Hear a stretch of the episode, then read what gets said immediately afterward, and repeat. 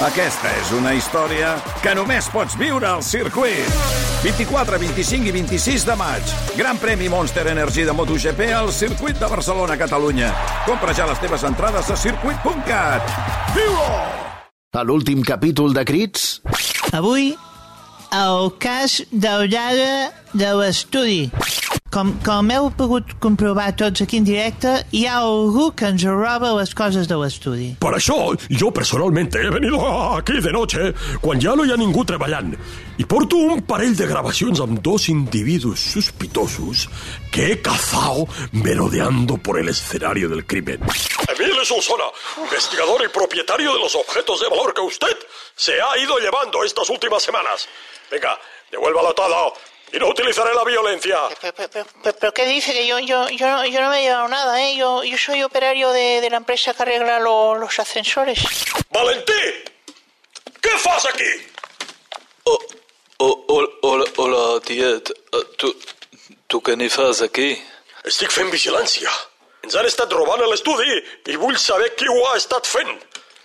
Valentí, mira'm els ulls. Nos has estado robando. No, no, tiet.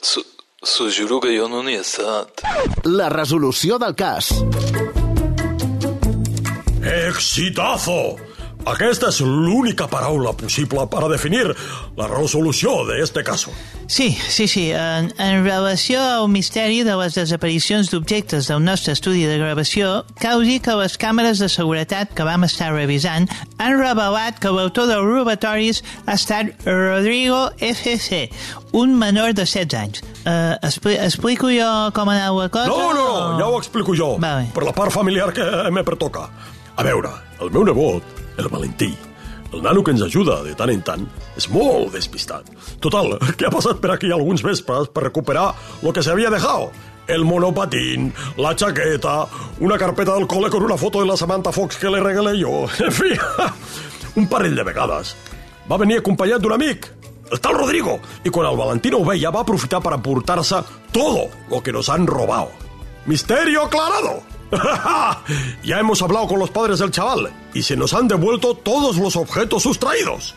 Éxito total. Uh, però a mi, a mi el, el que no em queda clar, Mili, uh, vo- vols, vols dir que el teu nebot no va veure com el seu amic s'emportava la nevareta? Li, li estava aguantant la bossa on, on se la van portar. ¿Qué dius? Hombre, ¿qué dius? Tornat a mirar las cintas. El meu nebot tenia la bossa oberta y el cabrón de su amigo metió la neverita sin que se diera cuenta. eh, Emili, això, això que estàs dient és un disbarat. Que el meu nebot no és un delinqüent, ¿vale? Este chaval es un perla. Es molt bon nano, tu, tu, tu lo conoces. Sí, sí, sí, home, no, no, no, no et posis així, ja, ja em tornaré a mirar les cintes. Dec, dec ser jo que no me, me les he mirat bé. Però el, el sillón orejero el, el portaven entre els dos. Prou! Per favor! Ah, vale, vale, Prou! vale, vale, vale. Prou! Prou! RAC més i òptica i audiologia universitària per a joves d'un a 100 anys us ofereixen Crits. Esteu escoltant Crits. un podcast d'investigació criminal. Crímenes, secuestros, robos, palizas callejeras, xenofòbia, maltrato d'animals, abús de género, de menors i de tota mena. Tota la verdad y nada más que la verdad surt a la llum gràcies a Crits. Amb Emili Solsona. L'Aureà Lledó. Crits. Posem foscor a la llum. Tigres, leones, todos quieren ser los campeones. Temazo! Estimats radioescuchas, el tema que està sonant és Tigres i Leones, del gran Torrebruno. Com estàs, Laureano? Hola, Emili, molt bé, molt bé. Doncs sí, uh, Torre Bruno va ser un popular showman infantil que va triomfar a Espanya als anys 70 en programes de televisió com Ua Ua Ua o Sabadabada. Buah, yo es que no, no, no me perdía ni uno, y eso que era ya mayorcito. Cantava com un jilguero. Una veu preciosa, aquella home. Moltes vegades me'l ficava per nyaca-nyaca amb la meva dona. Va, no comencem, Emili. Tranquilo, chaval. Hoy en día es lo que se vende, el folleteo. Bueno, va, va, va, centrem-nos. Centrem-nos. I per a centrar-nos, què millor que... Centrifidrin, el complemento vitamínico que te posa las pilas para rendir todo el día como un auténtico jabato. Papa, dona'm el centrifidrin que avui tinc examen de mates. Té, fill meu, abusa d'aquesta substància i mai més tindràs un suspenso. Que guai! Com es pren això? Amb aigua? ¿Qué coño agua? Esnifa pel nas. Així!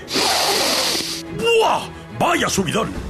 Ah, vale, vale. Mira, ja porto un bitllet en forma de canutillo. És el que faig servir habitualment. Uh! Molt millor que la cocaïna, eh? Bueno, millor no, pero esto te lo venden en las farmacias. Sí, és, és més pràctic. Sí, evitas el contacto con los barrios bajos, fill meu. Centrifidrin y a rendir como un cabrón. Una pajilla, fill meu? Però, però papa, què, què dius? Perdó, perdó, se me n'ha anat la flapa. A veure el prospecte. Tornem al, al cas d'avui, la revisió de la mort de Torre Bruno. Sempre se'n van els millors. Posa'ns en antecedentes, Laureano. Rocco Walter Torrebruno Orgini va néixer a Torino di Sangro, una localitat italiana on, curiosament, no el coneix ningú. De fet, la seva data de naixement no està clara. Algunes fonts citen l'any 1933 i d'altres el 1936. Un momento, no m'estaràs dient que Torrebruno té un passat fosc? Ni fosc ni clar, Emili. És com si no tingués passat, o, co o com si algú se l'hagués inventat. També es diu que té origen noble i que com que la família estava en hores baixes, ell va fugir per guanyar-se la vida com a cantant melòdic. Això segur que és veritat. A mi la seva veu m'emociona més que la de Camilo VI. Va arribar a presentar-se al Festival de San Remo i no se sap ben bé com va acabar fent de showman infantil a televisió espanyola, on sí se sap que va triomfar pues, a, a, a lo grande. Quin gran personatge. Continua, Laureano. M'estic posant cachondo. No, no ho facis anar cap al tema sexual, Emili. No, no, hombre, no. És una manera de dir que, que m'interessa molt. T'has de posar al dia, eh, amb la nova semàntica. Per a un investigador és molt important. Bueno, sí, sí, ja, ja m'hi posaré, va. Atenció perquè eh, l'equip de Creech ha trobat l'únic familiar del còmic que queda aquí a Espanya. Torre Bruno no va tenir parella coneguda ni fills. La persona amb la que hem parlat és un cosí segon d'un cosí germà de Torre Bruno. Li van preguntar sobre Torre Bruno per veure si podíem obtenir alguna informació per, per aclarir el seu origen. Escoltem què diu. I- il, mio, il mio cosino Torre Bruno, uh, per, per nosotros Rocco, uh, no, no va a essere nascuto a Torino di Sangro. A Torino va a nascere eh, il suo germano Vessono Rocky. Il uno si diceva Rocco e l'altro Rocky. La confusione fu gorda desde buon principio. Il mio primo, che era primo di Rocco e Rocky, fu incontrato morto per Rocco, no, discolpa, per Rocky, lì sono di Rocco. Eh, Rocco caiò in profonda depressione e se va andare in Spagna per cantare canzoni. Non li fu massa bene e cominciò a cantare per infanti, per bambini spagnoli di anni 70 di passati siglo XX. Ma lì paese di la tele, Gabi Fofofo, Fiti Miliki, Milichiti, eh, li verono come grande competenza e li furono invenenando la comida hasta producere infermità cardiaca eh, che li produjo morti l'anno 1998. Eh, discanci in pace Rocky, disculpa, Rocco, Bu- bueno, Rocky també è morto. Buah! ¡Acojonante! Ya ho han sentit, amici radioescuches. Los payasos de la tele, esa pandilla de hijos de puta resentidos, al veure que Torrebruno tenia més talent i més fama i més de tot que ells, el van enverinar.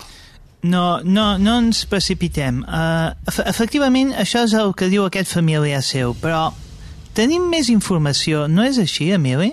Així és, però abans, una mica de cultura. T'agraden els museus? Estàs d'enhorabona. Obre les portes del Museu de la IA, la intel·ligència artificial que arriba perquè els humans puguem tocar-nos per fi los santos cojones a dos manos. Tu, robotito, agafa'm la capsa de mistús que m'acaba de caure. Sí, senyor. Aquí tens, senyor. Què he de fer ara? Aixecar-se per anar a orinar, senyor. Ah, cony, ja deia jo que estava a punt d'explotar. Què faria sense tu, robotito? No faria res, senyor. Museu de la IA, el museu dedicat a la intel·ligència artificial, on podràs trobar tots els prototipus d'aquest futur que ja és aquí. Coneix la nova espècie híbrida que barreja els gens humans amb la tecnologia punta de la més innovadora IA. Entre nosaltres i ells ja no hi ha cap diferència.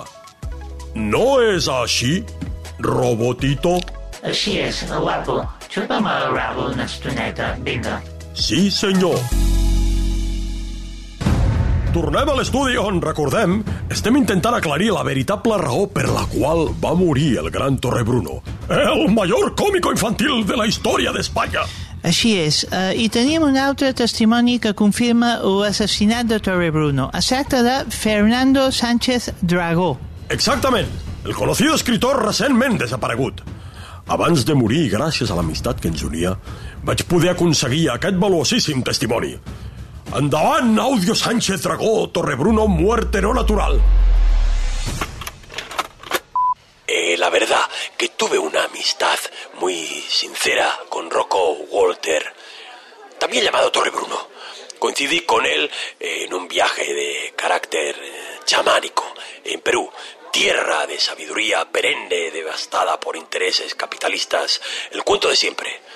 Richie, como llamábamos a Torre Bruno, los más allegados, me confesó que hacía tiempo que se encontraba mal, concretamente desde que cenó con los celebérrimos payasos de la tele. Esa panda de farsantes le agasajaron con una opípara cena a base de manjares elaborados con ingredientes de origen confuso, alegando que era cocina experimental. Desde ese día, de principios de los años 80, si no me falla la memoria, Torrebruno ya no fue el mismo y empezó a padecer, pues, dolencias cardíacas hasta encontrar la muerte ese desdichado 12 de junio de 1998. Más de 15 años de agonía que los payasos de la tele disfrutaron con esa característica maldad y deliberada alevosía tan propia de los payasos malos. Y digo malos haciendo buenas ambas acepciones, la de malos payasos y la de payasos malos, en el sentido de hijos de la grandísima puta. Gràcies, Fernando. Gràcies, querido amigo, per aquestes paraules poc abans de dejar-nos. Tot apunta, doncs, a que la mort de Torrebruno va ser un malèfic plan orquestat pels pallassos de la TV. Dels acusats, Gavi, Fofó, Miliki, Fofito i Miliquito només són vius els dos darrers. Entre ells també es van treure els ulls per temes de drets d'autor de les cançons dels pallassos. Concretament, la disputa va ser entre Miliki i Fofito. La maldat personificada en aquells que ens alegraven les tardes des de RTV. Com que no volem acusar a esos bastardos hijos de perra, hem anat a buscar el puto Fofito, que encara s'arrossega fent un espectacle por ahí. Us portem una incisiva entrevista que el meu nebot, el Valentí, becari de Teleloca Sans i col·laborador puntual nostre, li va fer a l'acabar el seu punyetero espectacle. Endavant, àudio, Fofito, relació mort escabrosa, Torrebruno. Molt bé, Laureano. Estàs creixent molt, xaval, molt. Gràcies, Amelie. Hola, estic en el costat del payaso de la tele, que ja no és, que ja no és de la tele, Fofito. Hola, ¿Cómo están ustedes? bien, ¡Más fuerte! ¿Cómo están ustedes? bien. ¡Qué sangre de horchata, madre mía! No, no me gusta la, la horchata. Senyor payaso Fofito, vostè i la seva família de pallassos coneguts com los payasos de la tele, perquè ni sortien a la tele però ara ja no, van assassinar amb veneno en una cena a Torrebruno li tenien envidia? ¿Pero qué dices? No entiendo nada. Tú estás muy nervosio. ¡Uh, qué nervosio! L- Li ni pregunto si vostè és un assassino... d- És, és un dels assassinos de Torrebruno. Torrebruno, ¿tú quieres saber cómo murió Torrebruno? Sí, un, un saber. Se colgó de un bonsai. Como era tan bajito. No n'hi ha més preguntes. Ja ho sentit. El asesino cabrón contesta con un chiste malo. Se nos ríe davant dels nassos. Això no el converteix en assassí, Amelie. Venga, venga, Laureano, no, no, no siguis panfiló. Yo vuelo un asesino a miles de kilómetros. Este pájaro y tota la colla de mamons de la seva família van enverinar a Torrebruno. Me juego lo que quieras. Bueno, bueno.